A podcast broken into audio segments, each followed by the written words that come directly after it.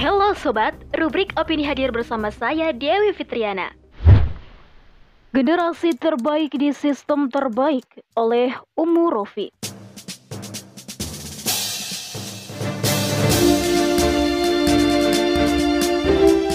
Peribahasa buah jatuh tak jauh dari pohonnya tampaknya sangat cocok untuk sistem saat ini. Sistem rusak pasti akan melahirkan kerusakan. Pada bulan lalu dunia pendidikan dikagetkan dengan aksi perundungan yang dilakukan sekelompok anak SD sampai akhirnya korban meninggal dunia karena depresi. Hal itu dialami oleh seorang anak usia 11 tahun disadur dari laman detik.com pada Kamis 21 Juli 2022 dokter psikiater di Bandung RSIA Limi Jati, Dr. Elvina Gunawan, mengatakan bahwa orang yang melakukan pasti memiliki gangguan kejiwaan, meski kasus bullying ada ringan atau berat seperti yang dialami seorang anak SD di Tasikmalaya. Ini sudah sangat di luar batas kewajaran, karena anak usia SD tidak mungkin bisa melakukan hal seperti itu.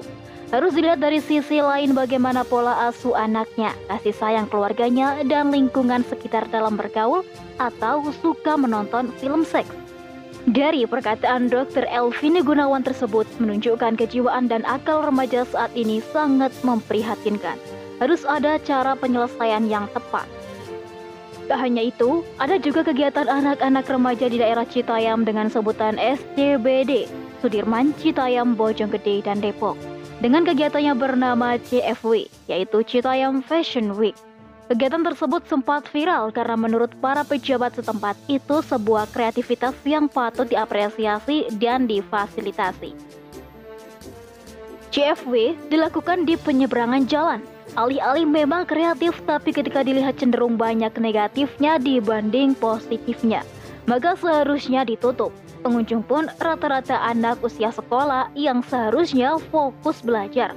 Tapi sebaliknya, mereka malah hura-hura, nongkrong, ngonten anfaedah, berduaan campur baur, pakaiannya pun tidak mencerminkan anak pelajar. Tetapi menurut mereka itu fashion. Sungguh miris. Kemudian, menyadur dari laman republika.co.id pada Ahad 24 Juli 2022, Wakil Gubernur Jakarta Ahmad Riza Patria mengimbau agar para pelajar SD, SMP, SMA di CFW Dukuh Atas sebelum pukul 22.00 WIB sudah berada di rumah masing-masing. Karena ini adalah salah satu pencegahan aksi kekerasan pelecehan seksual yang saat ini persentase kekerasan seksual meningkat dan prostitusi online pun meningkat. Itulah fenomena problematika kehidupan generasi saat ini. Mungkin itu hanya sebagian dari fakta-fakta yang ada. Di luar sana, bisa saja ada yang lebih memprihatinkan dari sikap generasi zaman now. Mengapa potret itu bisa terjadi? Apakah ada yang salah dengan generasi zaman now? Bukankah seharusnya generasi remaja menjadi penerus perubahan di masa selanjutnya, alias menjadi pemuda-pemuda terbaik pada masanya? Sesungguhnya fenomena yang terjadi pada generasi saat ini tidak lain karena penerapan sistem yang diemban oleh negeri kita saat ini. Dari perkataan Dr. Elvina Gunawan bahwa lihat pola asuh, bergaulnya, dan lain-lain, itu semua hanya cabang problematika generasi saat ini. Akan tetapi dari akarnya sistem kapitalisme, sekulerisme, liberalisme yang menjadikan seluruh aspek kehidupan seperti saat ini, generasi yang muda melakukan hal-hal yang di luar akal sehat Pergaulannya sudah di luar batas kewajaran, pendidikannya hanya mencari nilai, akhlaknya sudah rusak, perbuatannya sudah tidak lagi melihat halal dan haram. Ironis, itulah penyebab kenapa bisa terjadi problematika generasi saat ini. Sesungguhnya kapitalisme hanya menumpuk materi tanpa melihat apakah sesuai perintah Allah Subhanahu wa taala ataukah tidak. Alhasil kurikulum pendidikan tidak lagi sesuai dengan Al-Qur'an dan As-Sunnah maka tujuannya hanya ingin mendapatkan pekerjaan. Di sisi lain, sekulerisme memisahkan agama dari kehidupan, maka outputnya pada dunia pendidikan adalah anak-anak didik yang tidak memiliki akhlak dan pemikiran tidak sesuai dengan tuntunan syariat Islam. Dan liberalisme membebaskan segala perbuatan, tidak melihat apakah itu halal ataukah haram. Alhasil, Ketika negara terus mengemban sistem kapitalisme, sekulerisme, liberalisme, generasi remaja akan terus seperti ini, rusak dari segala arah.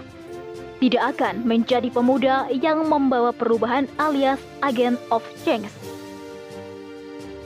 Hal ini sangat jauh berbeda ketika kita mengemban sistem Islam dalam seluruh aspek kehidupan. Sejatinya Islam pernah berjaya selama kurang lebih 13 abad lamanya. Di mana Islam sangat memperhatikan dunia pendidikan. Karena dari sana lahir generasi-generasi terbaik pada masanya. Munculnya para ilmuwan dan tokoh agama lahir dari masa kejayaan Islam seperti penemu matematika Ibnu Al-Khawarizmi, empat imam mazhab seperti Imam Syafi'i, Imam Hambali, Imam Maliki, Imam Hanafi, dan masih banyak lagi. Pendidikan di sistem Islam mengajarkan takofah-takofah atau pemahaman-pemahamannya yang harus sesuai dengan syariat Islam maka generasinya pun akan paham dengan ajaran Islam yang sempurna. Output generasi akan menjadi generasi yang fakih fiddin atau paham agama, bersyahsiah atau berkepribadian Islam secara kafah atau menyeluruh. Dalam dunia pendidikan, contohnya untuk sakofa Islam pun sangat memilah-milah. Tidak sembarangan ilmu masuk ke dalam dunia pendidikan. Dari kurikulum sesuai dengan Al-Quran dan As-Sunnah, sakofa asing tidak dijadikan sebagai yang utama diajarkan. Tapi sakofa Islamlah yang menjadi pelajaran utama seperti bahasa Arab, fikih, akidah, dan lain-lain. Tak hanya itu, para khalifah atau pemimpinnya pun memfasilitasi dengan membangun perpustakaan besar agar masyarakat menambah sakofahnya dan mempelajari segala bidang ilmu pengetahuan. Dengan begitu, sistem yang terbaik niscaya akan menghasilkan generasi atau umat yang terbaik pula.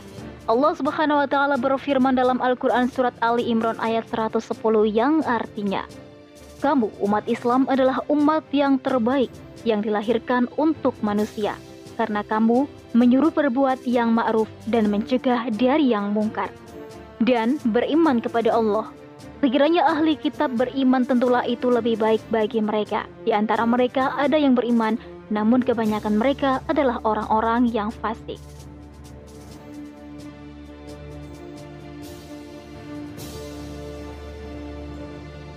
Jelas, apa yang sudah termaktub di dalam Al-Quran pasti akan menenteramkan hati, memuaskan akal, dan sesuai fitrah manusia.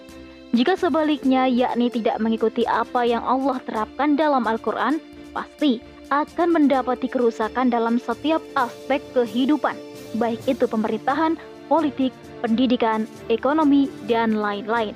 Seperti pendidikan saat ini yang di mana menghasilkan generasi didik yang rapuh akan pemikiran dan akhlak. Berbeda dengan pendidikan Islam yang menghasilkan generasi cemerlang dan bersaktia Islam. Dengan begitu, penerapan sistem Islam untuk saat ini harus diperjuangkan agar terrealisasi pendidikan yang menghasilkan generasi terbaik. Patut diketahui bahwa sistem saat ini jelas-jelas sudah karut-marut dalam setiap aspek kehidupan, khususnya dalam aspek pendidikan. Karena dari sistem inilah kapitalisme, sekulerisme, liberalisme yang di mana asalnya dari pemikiran kafir barat bertujuan agar para generasi muda jauh dari jati dirinya sebagai umat muslim terbaik. Di lain sisi, sudah banyak kejadian yang mengenai takutnya umat pada agamanya sendiri atau Islamofobia, termasuk generasi yang enggan mengkaji Islam Padahal dengan mengkaji Islam mereka akan paham agamanya dan melek dengan problematika yang saat ini sedang terjadi. Sesungguhnya umat muslim sudah selayaknya memperjuangkan Islam agar tegak kembali sistem Islam secara kafah atau menyeluruh di seluruh alam jagat raya. Karena hanya dengan sistem Islam akan terwujud generasi terbaik di masanya. Wallahu alam. Bisawab. Oke, sekian untuk opini kali ini. Stay tune terus di podcast Narasi Pos untuk mendapatkan berita-berita terbaru yang lainnya. Saya Dewi Fitriana, pamit undur diri dan wassalamualaikum.